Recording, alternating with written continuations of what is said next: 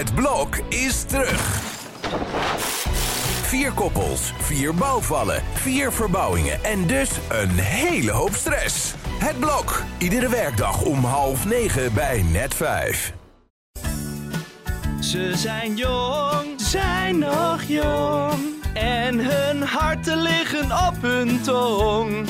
Altijd alert, erg alert. Hun mening eindelijk ongefilterd. Dit is Ongefilterd met Kitty en Elif. We zijn er weer, door weer en wind. Het stormt nog steeds. Ja, al weken, voor Ja. mijn gevoel. Nou ja, Ja. nu vier dagen op rij. Je ziet er een beetje verwilderd uit. Ja, mijn haar zit denk ik een beetje eh, als een eh waaiboom. Of een, Ja. hoe heet zoiets? Een, een treurwilg. Nou ja, ik ben ook wel een treurwilg. Vind je niet? Ja, je had wel een beetje een moed net. Ja, ik, ik Ik hou niet durfde van... niet te vragen wat er was. Nou ja, ik hou gewoon niet van storm. Ik krijg er hoofdpijn van. En ik vind het gewoon irritant. Ja, het is ook irritant. Ja, Maar goed, vertel me, je ergernis. Ja ehm, mijn ergernis eh, nu is een, eh, een ergernis van, van vandaag. Ik heb een paar keer... Ik, ik ben al de hele ochtend mensen aan het bellen voor werk. Dat moet jij natuurlijk ook de hele tijd doen. En wat ik echt een ontzettend onnodige en ergernisopwekkende applicatie of toepassing vind, is dat als je iemand belt, dat ze je dan wegdrukken en dat ze je dan automatisch een sms'je sturen met het komt nu even niet Oh, dat uit. is zo irritant. Kan ik je later bellen? Ja, Maar dan denk ik, als je me wegdrukt, dan weet ik dat het niet uitkomt of Ja. dat je het niet wil opnemen. Dus het is zo onnodig. En Ja. ik snap niet waarom dit. En ik moet, wel, ik moet wel toegeven dat ik het zelfs heel soms ook doe, zelf. Maar dan doe ik het meestal per ongeluk. Want dan druk je ergens op en dan komt dat dingetje. Oké, nu voel ik me echt een oma. Maar goed, dan komt dat dingetje omhoog. En dan druk je erop zo van ja, eh, nu niet, zeg maar. Maar ik vind het echt een hele onnodige eh toepassing. maar het is ook echt zo'n oma-ding, toch? Nou, het is een heel erg werkding voor mijn gevoel. Eh, Woordvoerders doen dit heel veel. Oh, Echt ja. heel veel. Oh ja. Ja, en wat ik dan nog erger, er, irritanter vind, je hebt dus ook een customized versie dat je blijkbaar dat je dus kan dezelfde tekst kan typen. En dan zeggen ze, ja, eh, het komt nu, ik kan nu niet opnemen, kan je het via eh, WhatsApp de vraag stellen of zo. En dan doe je dat en dan geven ze geen antwoord. En dan bellen ze ook niet meer terug. En dan moet je dus de hele tijd erachteraan. Maar dan heb je dus wel een sms'je gekregen van, het komt nu niet uit. Of kan ik je later bellen? Wat Of- irritant. Het is toch het onwijs onnodig, of niet? Ja, ik vind het ook. Ik vind het. Weet je wat ook eh, irritant is? Als mensen opnemen en zeggen: eh, Ik bel je zo even terug. Oh ja, en dat je dan vervolgens twee uur moet wachten. Nou, of dan denk ik gewoon: Neem dan gewoon niet op. Zeg maar, ik begrijp dat je dan niet kan bellen op het moment dat je niet opneemt. Ja, maar misschien willen ze toch even horen, eh, zeg maar, of er iets ergs aan de hand is of zo. Ja, oké, dat zou nog kunnen, ja. Ik vind dat beter dan het sms'je met. Dat nu sms'je is, is heel, heel, heel, heel irritant. Ik heb Toch? daar heel vaak. Ja, ja, ik dacht al dat jij dit ook, zo, ook ook heel vaak zou hebben. Ja, Ja. ik heb het ook alleen met werk. Mensen in privé doen dit niet. Het is echt ik ken mensen die dit ook privé doen. Serieus? Ja, ja, ik zou ze eigenlijk een keer moeten toespreken. Nou goed, ik hoop dat ze luisteren bij deze. Namen en rugnummers, wie? en jij? Ja, ik had ook een beetje een, eh, een werkergernis. Of tenminste, een paar keer had ik in een gesprek, mede voor werk of in een interview, dat mensen heel vaak je naam gaan gebruiken in een gesprek. En dat te vaak doen. Ken je dat? Mm, denk het wel. Ja.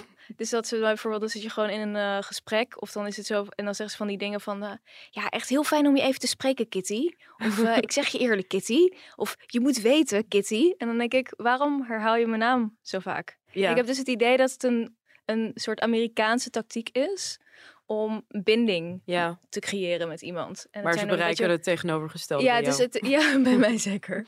Maar ik heb het gevoel dat het eh, zoiets is wat in een of ander marketingboekje of zo staat. Van, Dat het Ja. goed is om dan, Ja, ja, ja. heel goed om dan even, even, even die persoonlijke connectie te Ja, maken. in zo'n ja, zo'n tactiekje. Ja. Ja. precies. Oh, dat is heel irritant. Vooral als je doorhebt dat het echt een tactiekje is. Ja, en Ja. ik vind sowieso, ja, ik weet niet, het, het is zo, zoiets amicaals of zo, Mhm. toch? En ik vind, Ja. sowieso, ik vind het sowieso irritant als mensen heel vaak mijn naam gebruiken. Ja, dat is ook, ik vind dat ook irritant. Ik Ja. hou er ook niet van. Ik vind dat ook, ja, zelfs met de telefoon als ze opnemen en dan hi en dan je naam zeggen, vind ik al irritant.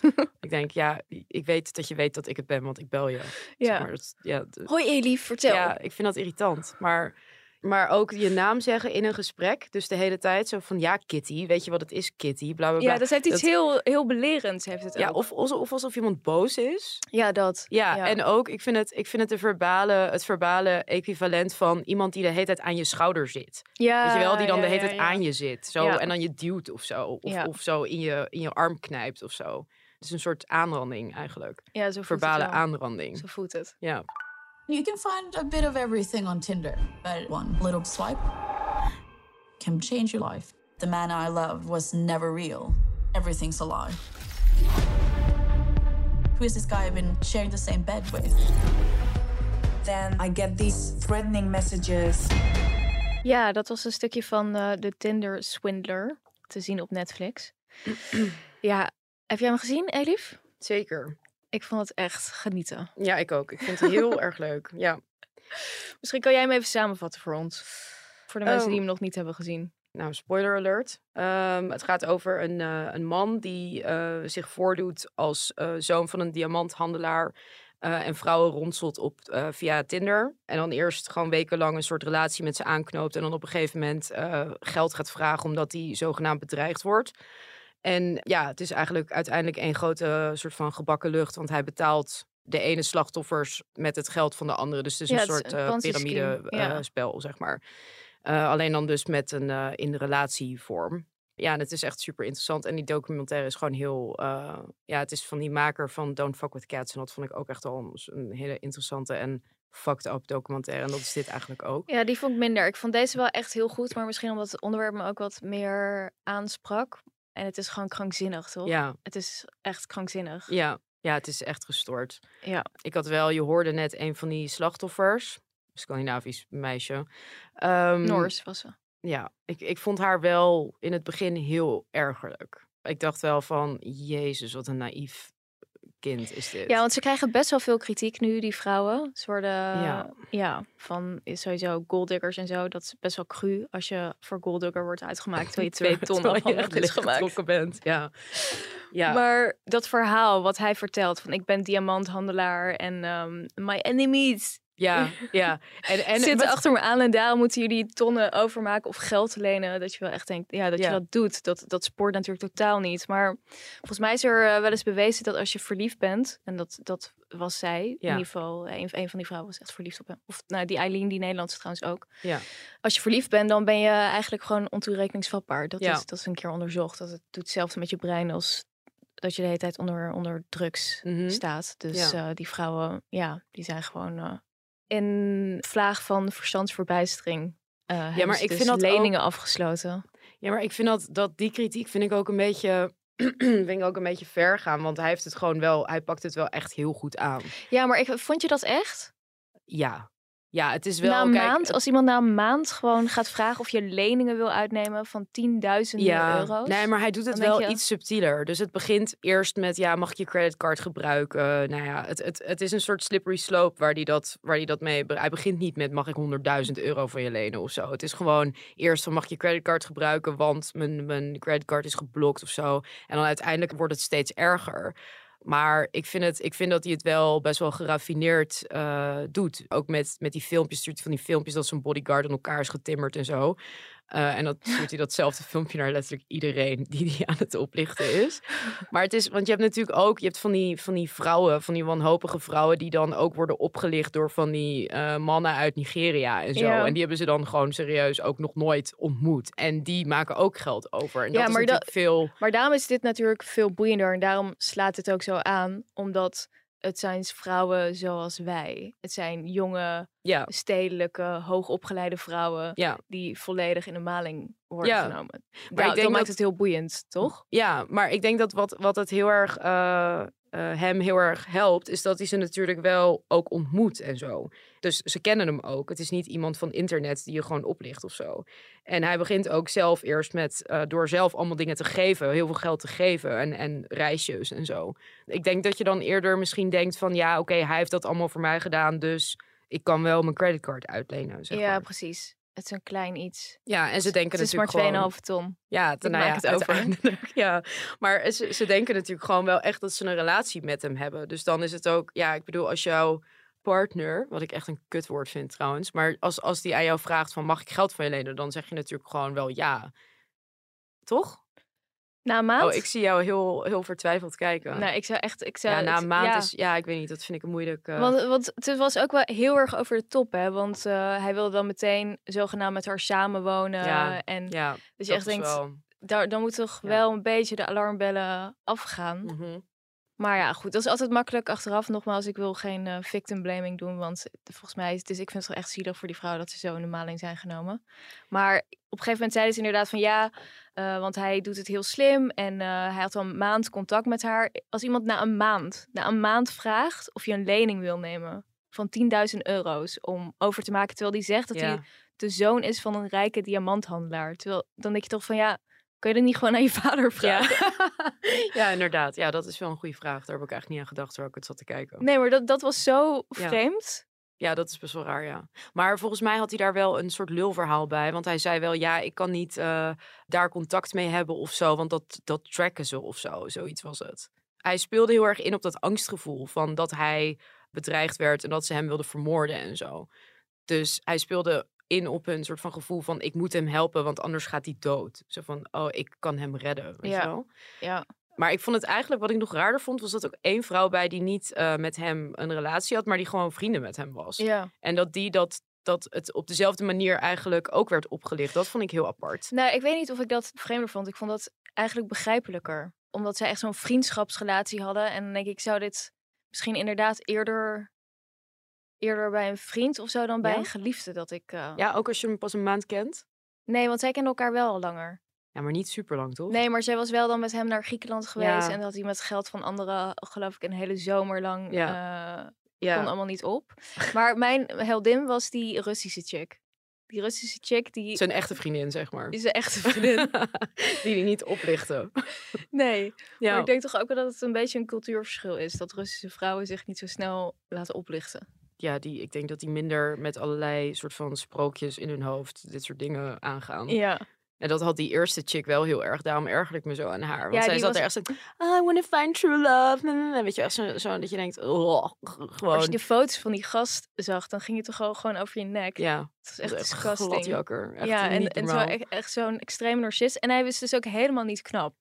Nee, maar hij, had wel, eh, hij was wel heel ge- gestileerd, zeg Ja, maar. ja, dus dan Ja. lijkt het heel wat of zo. Ja. Maar als je hem dan gewoon zag op zo'n paspoortfoto, dacht je echt... "Eeuw." Ja, ja. Ja. Ja, en ook die vroegere foto's van hem. Dat je echt denkt, gadver, dat is echt zo'n onderkruipsel, zeg maar. Maar ja, die had gewoon Dat mag zichzelf... niet zeggen over Joden, Elif. Oh ja, sorry. ja, het feit dat ik me dat niet eens realiseerde, geeft al aan hoe niet antisemitisch ik ben. maar ehm, nee, maar het- dat is een beetje het equivalent van vrouwen die eigenlijk niet zo knap zijn, maar heel veel doen met make-up. Dat is een beetje. Ja, dat was hij wel, hè? Ja, Ja. ja. Ja. en dan denk je toch heel veel... Dat denken mannen ook heel vaak van... Oh, die is echt knap. En dan denk je echt... mm, Nee, Ja. niet echt. Cheerleader effect heet dat. Ja, prachtig. Ja, Nee, dat is in een groep. term. Dat is in een groep van vrouwen dat ze dan allemaal heel knap lijken. Ja, en, en, nee, en ook als ze van ver af eh, eh, zijn. En Ja. dan als ze dichterbij komen, dat je dan het gezicht ziet en dat je denkt, oeh, lang haar en make-up kan heel veel doen. Maar jij had het net over een eh, Ponzi-scheme, Elif. Ja. Maar ik weet niet of iedereen weet wat dat is. We kennen het natuurlijk onder andere van Bernie Madoff. Die, Ja. ehm, De, dat is denk ik de grootste Ponzi-zwendelaar ooit, toch? ja, Ja. maar leg jij even uit. Ja, dus een Ponzi-scheme is eigenlijk heel simpel. Is dat je dus geld verdient door geld te lenen van anderen. En dat, dat je dat geld eh, of eh, lenen of laten investeren door anderen. En dat je daarmee dus geld maakt eigenlijk. Maar het houdt op op het moment dat bijvoorbeeld... Ja, je betaalt de ander, de nieuwe investeerder. Ja, die... met het geld van de oude investeerders. en dan, maar dat houdt dus op op het moment dat bijvoorbeeld iemand zijn geld terug gaat claimen. Of ja, dat een deel van de ketting gebroken wordt, zeg Ja. maar. Doordat iemand failliet gaat of zo. Dan valt het uit elkaar. Ja, en dat gebeurde dus eh, tijdens de laatste financiële crisis. Ja. ehm, met Bernie Madoff, die al gewoon tientallen jaren deze Ponzi-scheme in stand aan het houden was. En die echt een ziek leven Ja, leidde wereldwijde van de- Ponzi-scheme. Ja. ja. van de high society in New York. En die familie is volledig ingestort. Nou, hij ging natuurlijk de cel in, want het is gewoon echt een hele grote crimineel. Ja, Zijn vrouw en zijn zonen wisten er niet van. zeggen ze. Ja, maar eentje is wel waarschijnlijk. Eén heeft zelfmoord gepleegd, die ander is doodgegaan aan kanker. Ja, die vrouw die wilde hem nadat die zoon zelfmoord had gepleegd niet meer zien. Bernie Madoff is inmiddels overleden, maar dat is ook echt zo'n gestoord verhaal. Er is, heb je trouwens eh, Blue Jasmine gezien, die film van Woody Allen? Ja. Ja, die gaat hierover. Die is geïnspireerd op Bernie Madoff. En het gaat helemaal over dat ik zij helemaal dat gezien, leven leiden in New York en dan er opeens achterkomen dat hun vader eigenlijk gewoon een oplichter is. Ja. ja.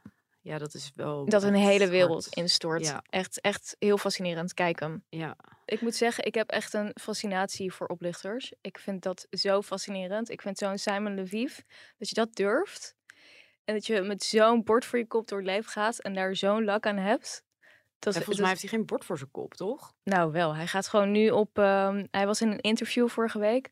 En ehm, gaat hij gewoon ontkennen dat hij dat is. They basically took everything, manipulated, added things to make it in a very narrative, which is one sided, basically just to destroy my name and to destroy everything. Ja, maar dat is een soort gaslighting volgens mij van zichzelf. Ja?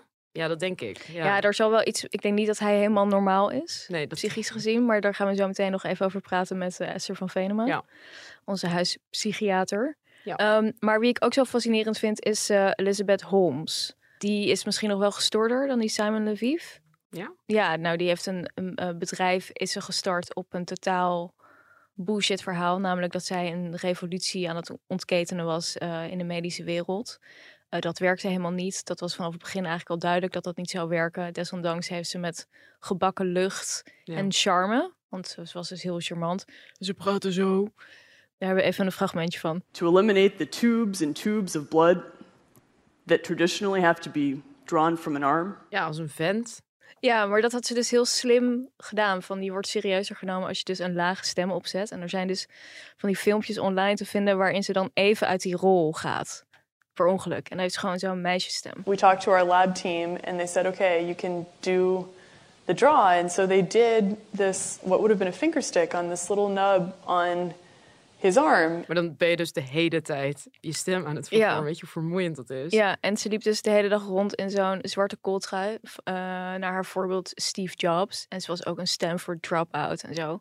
Maar goed, wat je vooral eigenlijk zag is dat rijke mannen zich volledig door haar hebben laten inpalmen. Van Bill Clinton tot George Shultz, noem maar op. Mhm. En eh, die hebben dus honderden miljoenen geïnvesteerd in dat bedrijf. Op een gegeven moment werd het geschat op 9 miljard dollar.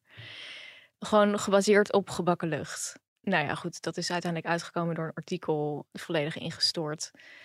Extreem fascinerend. Ja, gewoon echt een gestoord wijf. Maar ook nog steeds ehm, totaal bord voor de kop. Stu- Zij, zij is er nog steeds van overtuigd dat zij gewoon heeft geprobeerd, fake it till you make it. En dat dat is mislukt. Ja. Terwijl ze gewoon een crimineel is die gewoon serieus. Het gaat ook over medische dingen. Ja. Dus er zijn gewoon mensen die hebben dus testuitslagen gekregen op die apparaat van haar die helemaal niet werkte. ja. Want het idee was dus dat je met één druppel bloed kon je dan allemaal testen doen in een machine die zij had uitgevonden. En dan zou je dus nooit meer bloed hoeven prikken. Ja. Eh, en daar kregen dus mensen eh, uitslagen dat ze dachten dat ze aids hadden of kanker of eh, dingen die veel te laat zijn gedetecteerd en zo daardoor. Dus dus ook niet echt onschuldig. En ze wist dus, dat is toch wel heel fascinerend, ze heeft die niet werkende apparaten gewoon in Walgreens gekregen in Ja. Amerika. Ja, dat, is, echt wel ziek, ja. ja, gestoord. Denk jij dat zij dat ook had kunnen doen als ze een man was? Want ik Nee. bespeur een beetje zo'n zo'n seksisme dingetje. weer. Of niet seksisme, maar omgekeerd seksisme. Ja, ja. Dus op een positieve manier. Ja. Ja, sowieso. Want ik denk dus dit soort mensen, dames die Simon Lviv ook interessant, die spelen gewoon perfect in op de tijdsgeest. Een echte oplichter is gewoon een chameleon. Mhm. En dat is zo'n Elizabeth Holmes natuurlijk ook. Want zij voelt precies aan. Misschien vroeger had je, had je beter een ander soort oplichter kunnen zijn. Of als macho man. Maar zij speelt helemaal in op dat ze willen niks lievers in Silicon Valley dan Ja, een vrouw. Vrouwelijke start-up. Ja, eh, een vrouwelijke entrepreneur die Ja. dan eh, niet, niet alleen een bedrijf start dat succesvol is, maar dat, een, dat bedrijf is ook nog eens een keer super idealistisch. Ja. zij voldeed aan dat perfecte plaatje en dan zag ze er ook nog eens een keer leuk uit. En ehm het is fantastisch. Gewoon al die, al die mannen die lagen aan haar voeten, die, die wierpen gewoon hun miljoenen naar haar. Ja, maar ergens is dat dan ook een beetje dat je denkt, ja, dat is een beetje je eigen schuld, toch? Ja, maar dat, dat is ook bij die, met die mensen hoef je, heb je natuurlijk niet per se medelijden. Tenminste, ik heb niet- geen medelijden Nee. met Bill Clinton of zo. Nee, maar je hebt natuurlijk wel medelijden met de mensen die er de dupe van zijn. En die waarbij de hun klanten, kanker te maar. laat Ja, is eh, gediagnosticeerd. Omdat Ja. eh, Elizabeth Holmes in haar fantasiewereldje leefde. Ja. Maar goed, laten we even met eh, Esther bellen om ehm, te vragen wat het precies is. Wat deze mensen mankeert. Dit is de receptie van Ongefilterd met Kitty en Elif. Ik verbind u door. Ja, wij hebben het vandaag eh, in onze podcast over oplichters. En we vroegen ons af hoe jij vanuit eh, psychiatrisch perspectief naar mensen kijkt, zoals bijvoorbeeld van de Tinder Swindler, maar ook naar eh, ja, iemand als Elizabeth Holmes of Bernie Madoff, hebben die mensen echt een ziekte? Dat is natuurlijk heel lastig, hè? want die mensen die heb ik als psychiater niet zelf onderzocht. Je ziet wel gedrag wat doet vermoeden dat er iets toch niet helemaal in orde is. En ik vind het wel grappig, want toen ik psychiater was in opleiding in mijn eerste jaar, toen had ik al te maken met een oplichter. En dat was een meneer en die had uh, zogenaamd gevochten in de Libanon, zoals hij zelf zei. En die had allerlei telefoongesprekken met Defensie en die moest naar allerlei bijeenkomsten van reunies van de soldaten. En toen had ik voor het eerst, werd ik geconfronteerd met hoe bizar dat is als je zeg maar vanuit empathie met iemand probeert mee te leven dus. Uh, en het blijkt allemaal niet waar te zijn, een pure leugen. En ja, dat, dat is een onuitwisbare indruk eigenlijk geweest. En, en wat geloofde hij dan precies? Of geloofde hij dat zelf echt? Geloofde hij in zijn eigen leugens? Ja, dat is altijd heel moeilijk om daarachter te komen. Hè? Want um, op een gegeven moment wordt die grens tussen wat iemand wil geloven en wat hij fantaseert. En de leugen, dat wordt op een gegeven moment een beetje troebel. En dan, um, ja, dan wordt het bijna zo realistisch voor mensen dat ze er op een bepaalde manier ook wel zelf in gaan geloven in um, dat beeld wat ze van zichzelf uh, hebben gemaakt. Ja, en, en waarom, waarom doen die mensen dat? Zo voorliegen en zo? Ja, dat is ingewikkeld. Hè? Wat we weten over mensen die um, lijden aan een antisociale persoonlijkheidsstoornis. Hè? Dat wil zeggen dat er toch een echte stoornis is in het geweten en het nou ja, gedrag wat iemand laat zien, waarbij die gewetensfunctie opvallend afwezig is. Dus, dus dan wel... voel je gewoon niet, dus zo iemand, stel je voor, uh, iemand als die Simon Leviev, die heeft een antisociale persoonlijkheidsstoornis, dan voel je dus nul empathie of zo. Dus dan voel je gewoon, heb je geen geweten naar die mensen die je zo in de maling neemt.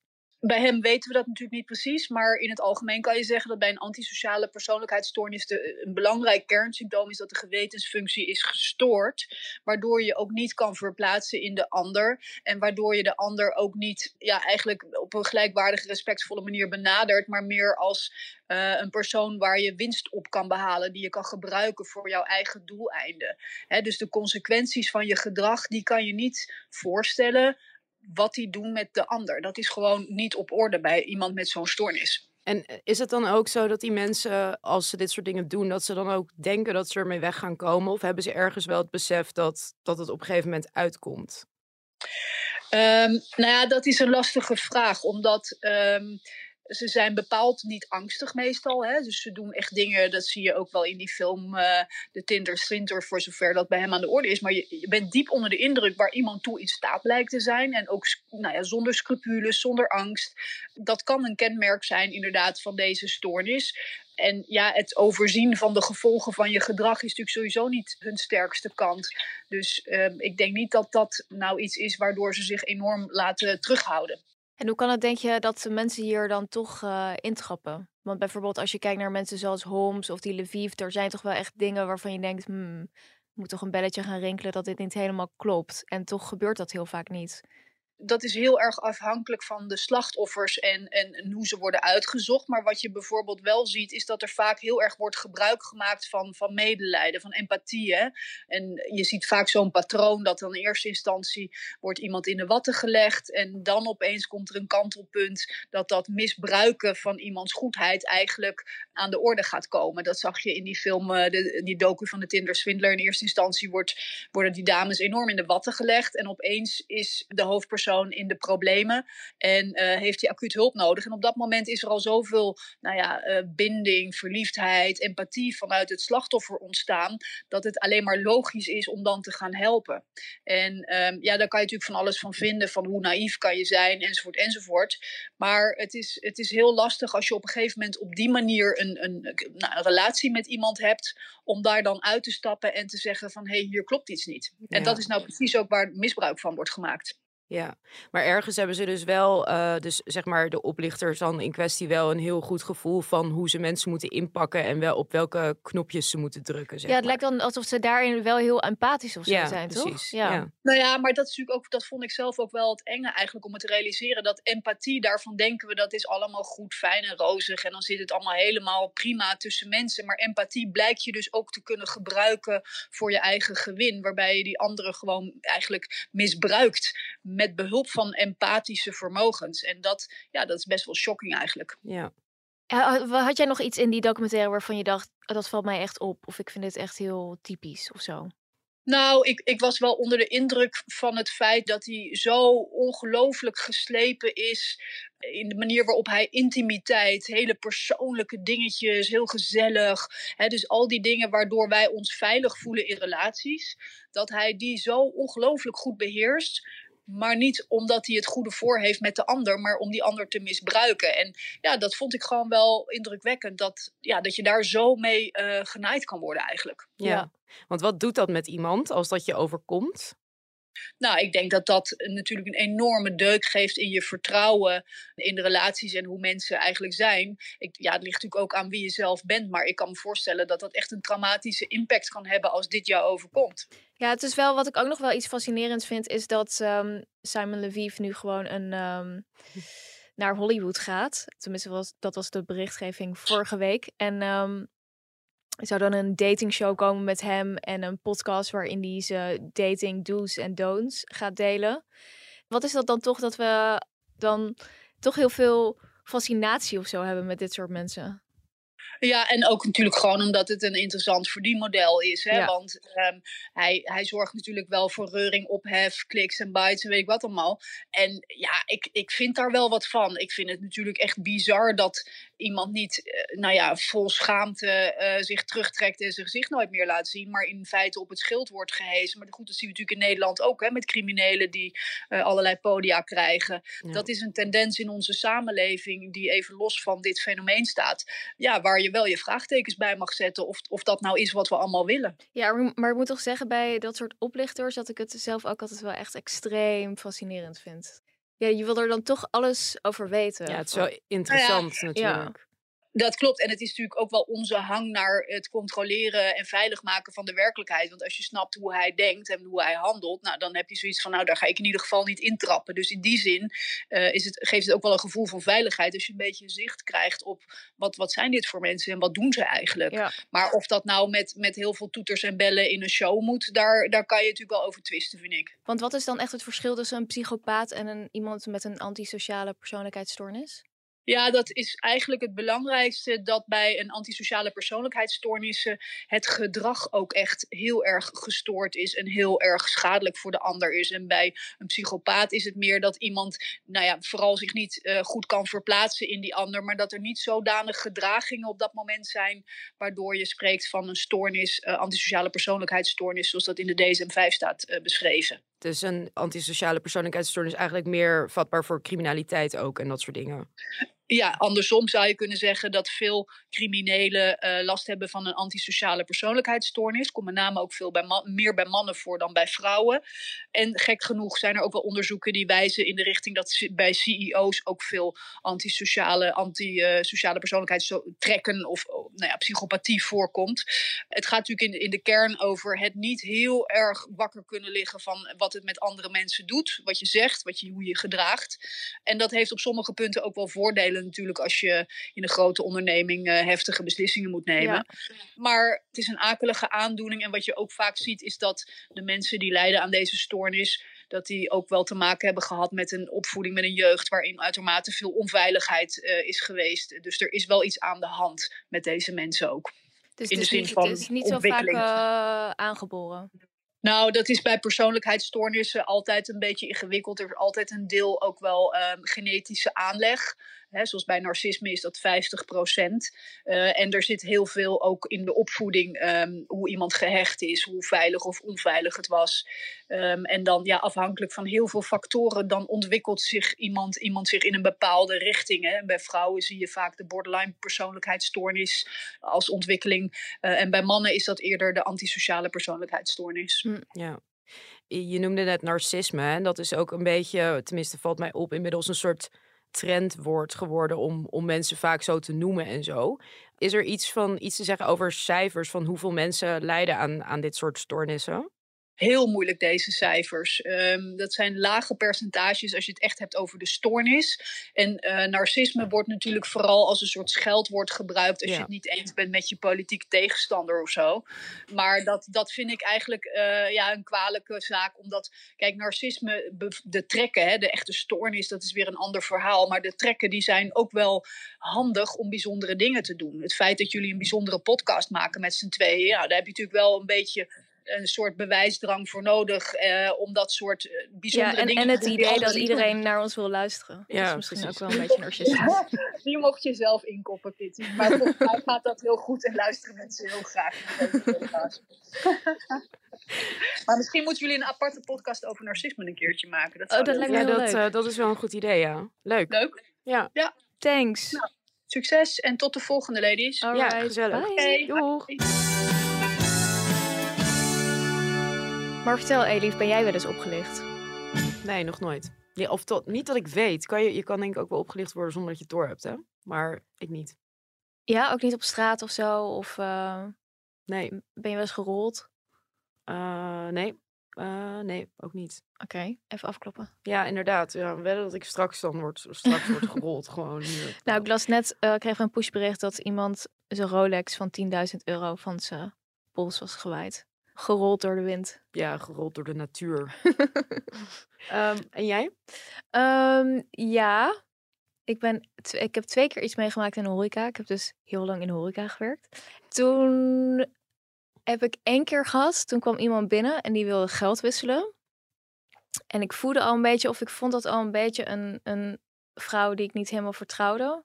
En toen dacht ik, nou Kitty, doe niet zo bevooroordeeld. Die vrouw wil gewoon geld wisselen, dat doe je altijd. Hoe, waarom had je dat gevoel? Ja, ik kreeg gewoon een vibe van Gewoon haar. een instinctief eh, Ja. gevoel. Ja. Ja. Toen dacht ik, zo moet je niet denken over mensen. Oh. En eh, toen ehm, bleken alle voordelen dus te kloppen. En toen eh wilden ze dus geld wisselen. Ik denk dat het was iets van 70 euro of zo, zoiets. Het is echt heel lang geleden, het is tien jaar geleden of zo. Ik had nog in mijn hoofd van, ik moet opletten. Ik moet Mhm. opletten wat hier gebeurt. Maar goed, je denkt, ja, wat kan er gebeuren? Ik bedoel, ik hield gewoon mijn oog zeg maar, op de kassa toen ik dat geld wisselde. Want ik dacht, oh ja, daar zit zeg maar het gevaar bij die kassa die ik open doe. Maar goed, er waren ook gewoon andere mensen in de zaak en zo. Dus ja, ik weet niet. Verder dacht ik, whatever, ik doe het gewoon. En toen gaf ik haar dus dat geld. Ik gaf haar 50 euro of zo. En toen had ze opeens 10 euro in haar hand. Gewoon alsof ik haar 10 euro had gegeven. En, en ik zweer het, er zat geen... Dus het was gewoon in een seconde. Oké. En toen zei ze, je hebt me 10 euro gegeven. En toen dacht ik, oh, ik heb een verkeerde brief gepakt. Dus toen gaf ik haar 50 euro. En toen liep ze weg. Toen dacht ik, kut. Ik had haar wel het goede geld gegeven. En ze heeft dat heel snel gewisseld. Oh, oké. Sick, hè? Ja, Ja. oké. Maar goed, ik vond dat toen... Ik kan me nog herinneren, want toen moest ik mijn baas bellen... eh, daarover dat ik dat had gedaan. Nou, het is niet vergelijkbaar met wat Pernilla en die andere chick hebben meegemaakt. Maar ik moet wel zeggen dat ik me toen heel erg schaamde. Dat ik het echt heel gênant vond. Dat Ja, ik dat was getrapt. Ja. Ja. Vooral maar omdat je dus ook de seconde dat ze wegliep, dacht je dus, oh Ja. shit. Toen Ja. wist je eigenlijk al dat je het, eh, dat je, ja, oké. Ja, en ik heb later nog een keer meegemaakt in de horeca. Toen kwam er een man binnen en eh, het was vrijdagavond en een restaurant werkte ik en het was heel druk. En ik eh, stond zeg maar achter de bar. En toen ehm, kwam hij gewoon iets drinken aan de bar en toen bestelde hij iets. En toen vroeg hij of hij geld kon bijpinnen. En dat deden we op zich altijd. Je mocht gewoon geld bijpinnen daar. Maar hij was heel aardig. Zeg maar. Hij kwam binnen en hij was gewoon heel vriendelijk. En hij zo, ja, nee, eh, rustig aan. Want het was heel druk en zo. En ik weet niet, toen voelde ik al intuïtief of zo dat er iets niet helemaal klopte. Toch? Ik word sowieso altijd een beetje wan- wantrouwend als mensen heel aardig doen. Ja, ja. Maar hij zag er op zich gewoon heel normaal uit. En ehm, toen ehm, ging dus zitten aan de bar, dus ik gaf hem dat drankje. En toen zei hij, ja, ik wil gelijk afrekenen en dus extra pinnen. Ik zei, oké, prima. Dus ik gaf hem dat pinapparaat. En hij pinde iets van 70 euro bij. En toen ehm deed zijn pinpas erin. Nou, maakte hij zo'n piepje, dat pingeluid. En toen eh, zei hij, ja, ik neem het bonnetje mee. Dus hij wilde het bonnetje eraf schrikken. Ik zo, nee, ik wil het bonnetje even zien. Want ik wil even zien of, of je echt Ja. betaald hebt. Ja. Want ik voelde al dat het niet helemaal klopte. En toen bleek dus saldo ontoereikend. Dat stond op die bon. Dus ik, oh, je hebt niet betaald. En toen, zeg maar, ik had dat geld nog niet gegeven uit de kassa, maar ik had het in mijn hand. En toen zei hij, oh, oh, wat gek. Oh, gek. Ik ga even pinnen. En toen ging die weg en toen heb ik hem nooit meer gezien. Ja, Ja, oké. maar dat was een andere truc die ze dan proberen uit te halen. Oh, wel slim. Van hem en van jou. Slim hè? Ja. Ja. dus toen was een beetje de schade die ik dan de eerste keer had, die was toen een beetje. Oh, dit was ook daarna. Ja, nee, dit was niet daarna. Dit was echt jaren later. Toen ik Ja, al een stuk ouder en wijzer was. Ja. En... Maar dan merk je toch met dit soort dingen. Je moet altijd als je tegen je intuïtie ingaat met dit soort dingen, dan. Dat vond ik ook echt een les van die eerste keer. Ik voelde gewoon dat er iets niet klopte. Ja. En dan doe je dat toch.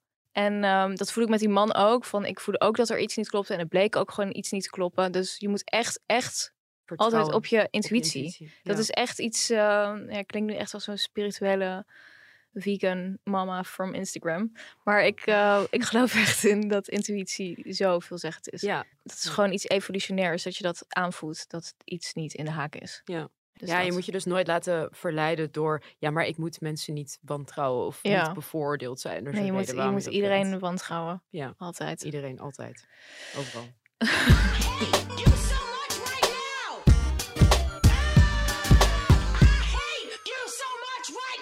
De hatefluencer van de week. We hebben een bekende hatefluencer, hè, dit keer. Ja, Nou ja, bekend. Ja, wel bekend. Eh, Jan Roos, die keek First Dates. En die schrijft, waarom zoeken mensen iemand die spontaan is? Ja. Ja. echt een hele goede vraag. Ja, Want dat is inderdaad... eh, Iedereen zegt dat altijd bij dat soort het programma's. zijn niet zeggende woorden. Totaal. Niets, niets, het zegt helemaal niks over een persoon of die spontaan is. Spontaan vind ik ook niet per se goed. Nee. Want spontaan klinkt als impulsief en klinkt als eh, iemand die gewoon alles maar roept de hele tijd en doet en zo. En toch? Dat die geen iemand die niet eh, zichzelf onder controle heeft op een en dat ja spontaan heeft een positieve connotatie, maar ik vind dat niet per se positief. Nee, ik vind het echt uh, niet zeggend. Maar het is echt een heel standaard datingwoord. Ja, net zoals dat echt iedereen, en ik kijk best veel datingprogramma's voor mijn werk. En ehm, dat zeg je er even bij. Ja. ehm, dat, dat, eh, dat ook altijd wordt gezegd van ik zoek iemand die eh, positief in het leven staat. Ja. Dan denk ik, echt, is er nog, is er nog hoop? is er nog hoop voor misantropen zoals ik? Het lijkt me heel verfrissend als iemand een keer bij zo'n programma zegt van ik zoek iemand die negatief in het leven staat en die gewoon lekker cynisch is en zo. Ja, En niet maar dat is toch fantastisch? Cynische mensen zijn toch heerlijk? Ja, dat, vind, dat zijn ook mijn Die hebben ook vaak veel meer humor. Nou ja, Ja. goed, we hebben al een hele podcast over eh, opgenomen. Over ehm, het gif van de positiviteit. Daar hebben we een podcast over Ja. opgenomen. Ook weer zoiets nietszeggend is dat. Iemand die positief in het leven staat. Ja. Ja, gewoon een blij, blij Gewoon zo'n blij ei, inderdaad. Zo'n happy echt camper. afschuwelijk, toch? Ja. Maar weet je wat ook een standaard na spontaan is? Is het andere standaard woord is zorgzaam. Wie, zoek je nou een moeder of een vriendin? Maar nou, of een dat, snap ik dan wel. Ja, ik weet niet. Ik vind dat zo moederlijk. Ja, het is wel moeilijk, ja. Ja, maar ja, goed. Ja, ja maar jij bent het- gewoon niet zo zorgzaam, denk ik. Eh, mm, weet ik niet. Weet ik echt niet. Niet bij iedereen. Maar ehm, nee, oh ja, ik wou zeggen dat spontaan en zorgzaam ook voor mijn gevoel een beetje haaks op elkaar staan. Ja, maar dat is toch altijd... Ik bedoel, die beschrijvingen van eh, wat mensen willen... dan denk je echt, eh, nou, heel veel succes ermee. Het zijn totaal tegenstrijdige dingen. Ja, maar spontaan is inderdaad wel een, een hele ergerlijke. Dat is ook nooit in, in geen enkele andere setting is dat iets wat, wat gewaardeerd wordt. Overal toch? Ja, dat we gewoon spontaan vinden mensen toch juist leuk. Zo'n Iedereen- leuke spontane meid. Ik heb ook het idee dat het een heel vrouwelijke term Het is. is een heel vrouwelijke term. Ja, het wordt ja. altijd voor vrouwen gebruikt van... oh, dat is zo'n leuke, spontane meid. En je zegt er eigenlijk helemaal niks mee. Ik snap nooit wat mensen Nou, daar dan mee je- ik bedoelen. vind dat iemand er een beetje dommig door... eh, dat je een beetje een domme kwalificatie aan iemand geeft. Ja. Vind je niet? Ik vind het, ik vind het niet goed. Als ik in een, in een sollicitatiecommissie zou zitten of zo... en zouden zeggen, ja, we willen die, want die is zo lekker spontaan... dan zou ik denken, nee, nee die, die gaan we niet aannemen. Nee. Maar ik zou als, als iemand als super positief wordt omschreven... dan zou ik dat ook niet per se denken van... Nee, voor wel? mezelf niet. Maar misschien is het wel goed. Ja, maar het, is wel goed om, om positief te zijn. Maar het, het is dat idee van een blij ei, dat vind ik, dat heeft zo'n Ja. dommige connotatie. Ja. Gewoon iemand die altijd blij is. En Ja. dat, Ja, het dat- is heel dom. Ja. ja. Zijn we het weer lekker eens met elkaar? Ja, maar misschien Leuk. zijn we het te vaak eens met elkaar. Ja, die kritiek krijgen we wel eens. Ja. Die kreeg ik door vanuit verschillende hoeken dat we het niet zo vaak eens moeten zijn met elkaar. Maar goed, we zijn Maar gewoon ja, willen soort- jullie dan van die kijvende wijven die de hele tijd tegen elkaar lopen te schreeuwen? Dat wil je ook niet, toch? Nou, ik had, we hadden nog wel even een leuke recensie. die ik nog even wil noemen. Of tenminste, ik kreeg een bericht. Hoi, ik begon vandaag je podcast te luisteren. In de beginnen dacht ik, jezus, wat een gekakel. Nu een paar uur later moet ik eerlijk toegeven dat ik jullie gekibbel over de samenleving wel heel leuk vind. Over gekibbel gesproken. Oh, dat is lief. Heel Maar lief. ook eh, kibbelen wij een paar uur later. Dat betekent dat hij dus uren naar onze podcast heeft Ja. geluisterd. Heftig. Ja. Wat, nou, bedankt. Dankjewel. Enzo heette die. En zo. Ja. Nou, dat was het weer voor deze week. Ja, over recensies gesproken, laten we vooral eentje achter. Vinden we leuk. En eh, als die heel, heel goed geschreven is, dan lezen we hem misschien een keer voor in onze podcast. Ja. Bye. Bye.